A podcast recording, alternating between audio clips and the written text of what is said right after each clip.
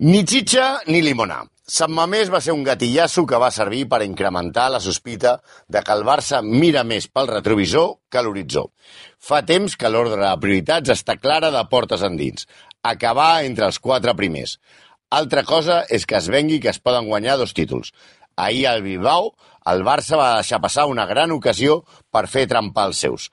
L'empat a Sant Mamés, per algú que no veiés el partit, tampoc és un resultat desastrós, però el més greu és que, amb honroses excepcions, com la de la Minya Mal, es va veure un equip masell, dòcil i resignat a la seva sort, i que a més no sap explicar-se, perquè mentre Xavi reconeixia estar decebut, Ter Stegen articulava un discurs absolutament oposat. Això té pinta que es farà llarg, i més després de les lesions de De Jong i Pedri, que no valen com a excusa del resultat. El mínim que se li pot demanar a un equip és que generi emocions, i el Barça ahir va ser preocupantment funcionarial.